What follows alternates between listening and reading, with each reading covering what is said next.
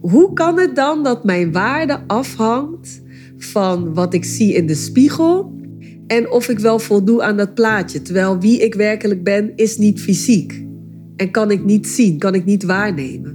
Dan kan mijn waarde toch nooit afhangen van een plaatje wat ik zie in de spiegel. Het is tijd dat je afscheid gaat nemen van het oude denken. Zoals jezelf continu te moeten bewijzen bevestiging te zoeken bij andere mensen en het eeuwig twijfelen aan jouw waarde. Waarom?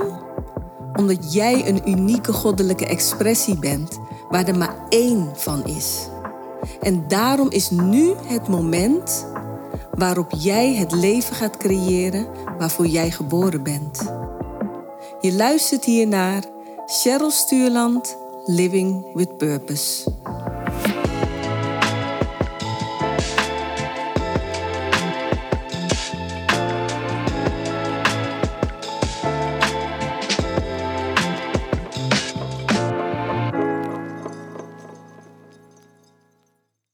Als jij naar verlangt om jouw hartverlangens te manifesteren, is er één ding wat cruciaal is. En dat is jouw zelfliefde gaan vergroten. En er heerst ook nog wel eens wat misverstanden over wat zelfliefde is. Dus vandaar dat ik deze podcastaflevering wijd aan wat is zelfliefde en waarom is het belangrijk om dit te ervaren. En wat je zou kunnen doen nu als je aan het luisteren bent, om die zelfliefde meer en meer te gaan toelaten in je leven. Want zelfliefde is eigenlijk synoniem voor onvoorwaardelijke liefde. Onvoorwaardelijke liefde zegt liefde zonder een voorwaarde. En dat is dus ook wat zelfliefde is. Zonder voorwaarden, liefdevol naar jezelf kijken. Dat is eigenlijk waar het over gaat. En op het moment dat je dat dus nog niet kan, is dat de grootste belemmering voor het manifesteren van je hartverlangens. Want ieder van ons heeft hartverlangens. Daarvoor zijn we hier, om die ook te manifesteren. En dat vormt als het ware de drijfveer achter alles wat je doet. Maar op het moment dat jij een gebrek hebt aan die zelfliefde, dan is het manifesteren van je hartverlangens een onmogelijkheid. Eh, dat is juist de dijk die ervoor zorgt dat dat hartverlangen wat jij in je hart met je meedraagt, dat dat nooit naar jou toe kan komen. Jij gaat dat niet kunnen ervaren. Dus zo belangrijk is het dus om met zelfliefde bezig te zijn.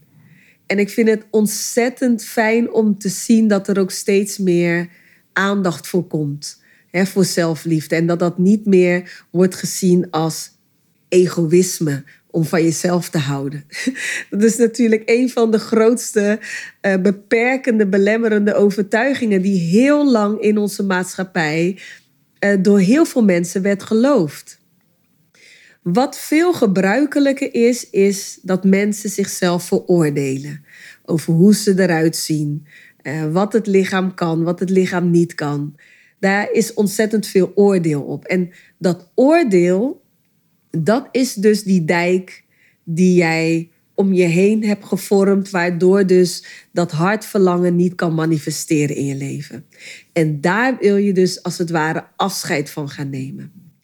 En om dat te kunnen doen, zul je een besef moeten gaan creëren over wie jij bent.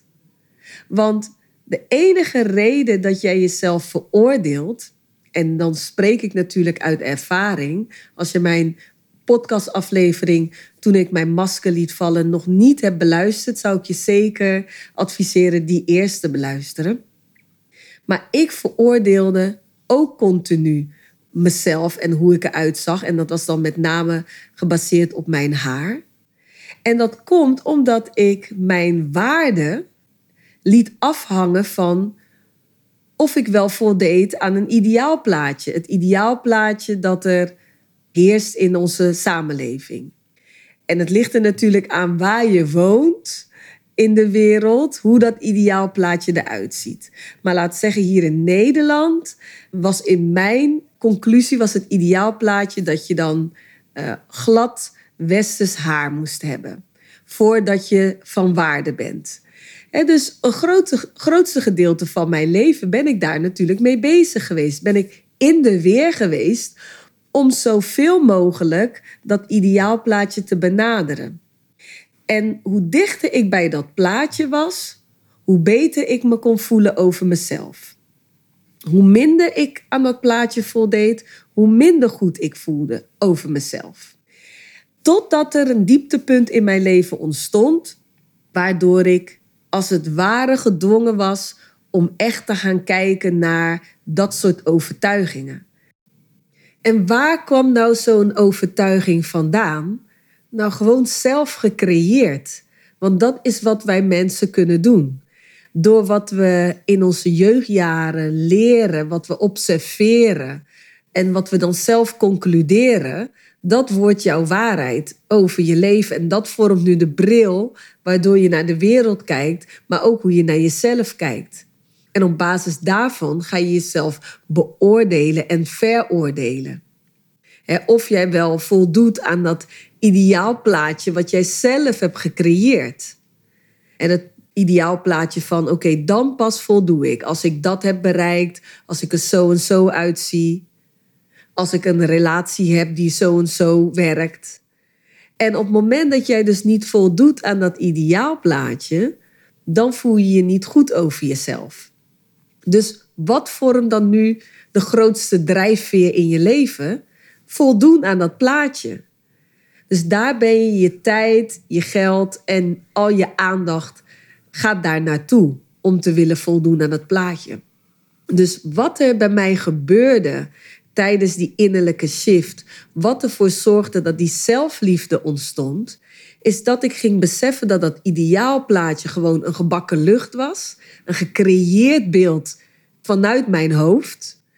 En dat wie ik werkelijk ben, nou verder rijk dan wat ik fysiek kan waarnemen met mijn zintuigen. En dus niet fysiek is.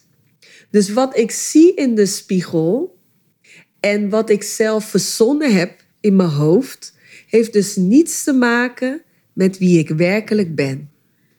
Dus hoe kan het dan dat mijn waarde afhangt van wat ik zie in de spiegel en of ik wel voldoe aan dat plaatje, terwijl wie ik werkelijk ben is niet fysiek en kan ik niet zien, kan ik niet waarnemen.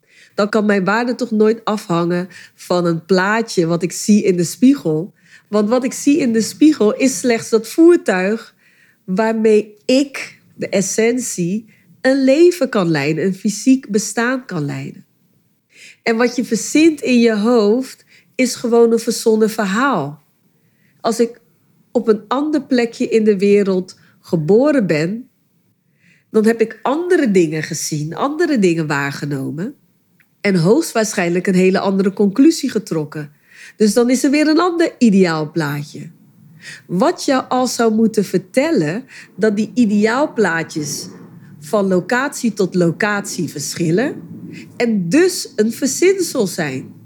want als dat de absolute waarheid zou zijn, als dat de absolute waarheid zou zijn over waar jij aan zou moeten voldoen, dan zou dat toch één waarheid moeten zijn. Dan zou dat toch altijd en overal geldend moeten zijn als dat de absolute waarheid was. Maar aangezien het dus per plekje verandert, sterker nog per gezin, is er een ander ideaal beeld, dan kan je dus toch al zien dat dit een totale verzinsel is van jouw geest. En dat is dus de innerlijke shift die plaatsvindt, is dat je gaat beseffen dat je het zelf gecreëerd hebt, dat verhaal waar je aan moet voldoen. Dus zulke krachtige wezens zijn wij. Dat we met onze geest een compleet verhaal kunnen verzinnen. Maar het vervelende is natuurlijk dat als jij dat niet doorhebt, dan is het gewoon jouw waarheid en bepaalt het elk aspect van jouw leven. En wat ik zei, zonder zelfliefde geen vervullend leven. Dus met het vasthouden aan dit verhaal, wat jouw waarheid is, daarmee blokkeer jij om die zelfliefde te voelen. Dus het antwoord op hoe kan jij de zelfliefde vergroten, is dat je gaat kijken naar wat jij jezelf vertelt. En waar moet jij van jezelf allemaal aan voldoen? En kijk voor jezelf wat dit jou oplevert en wat dit jou kost met name.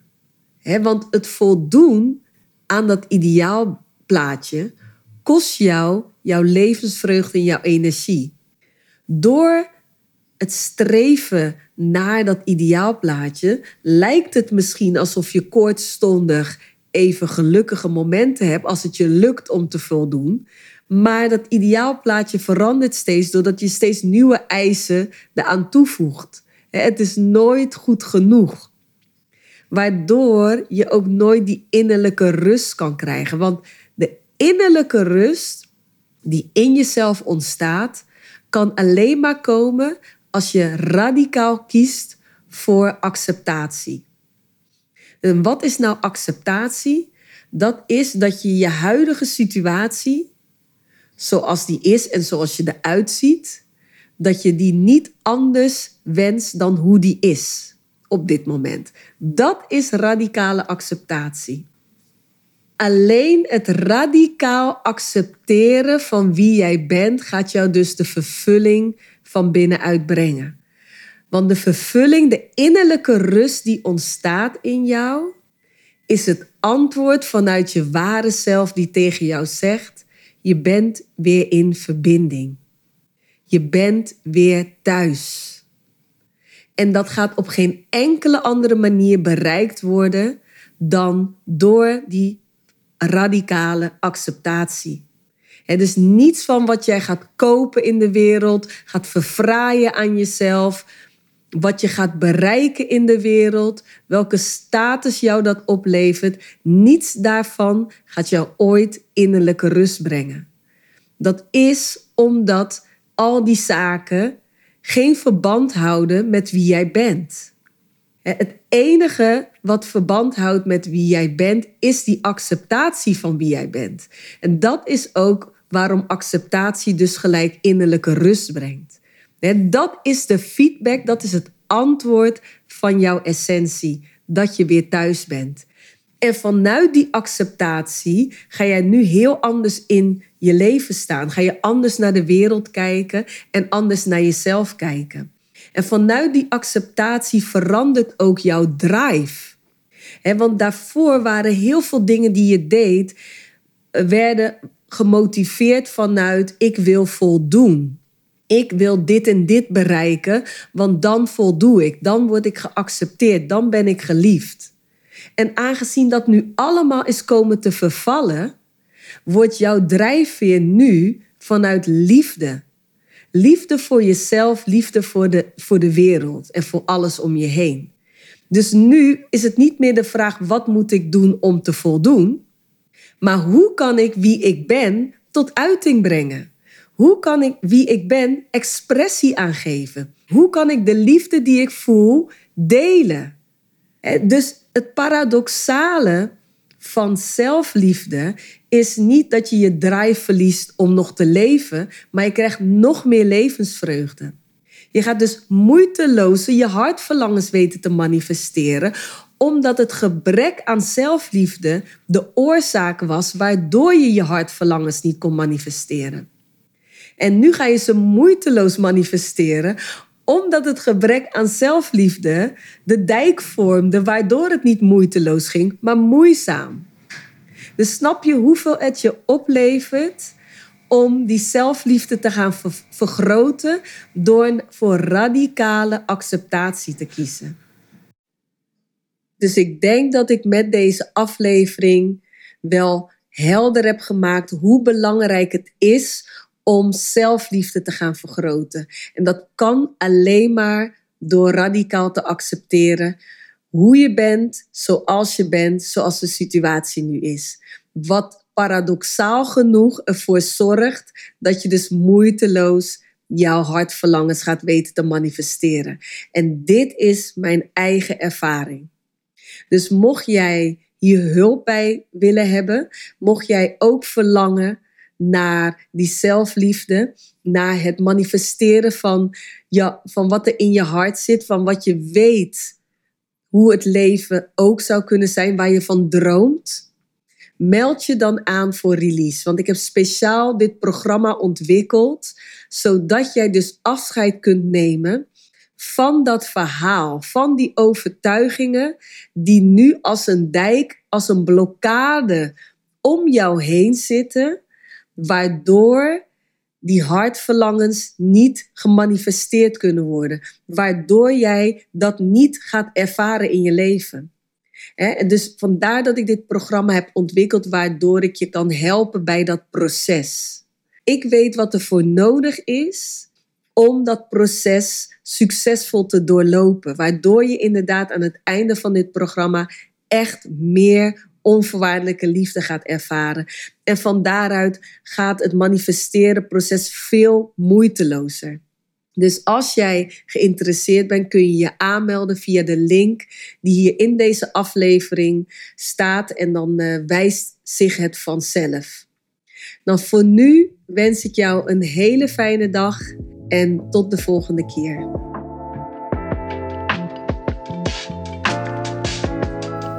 Waar voel jij je na deze aflevering toe uitgenodigd? En hoe zou jij nog meer expressie kunnen geven aan jezelf?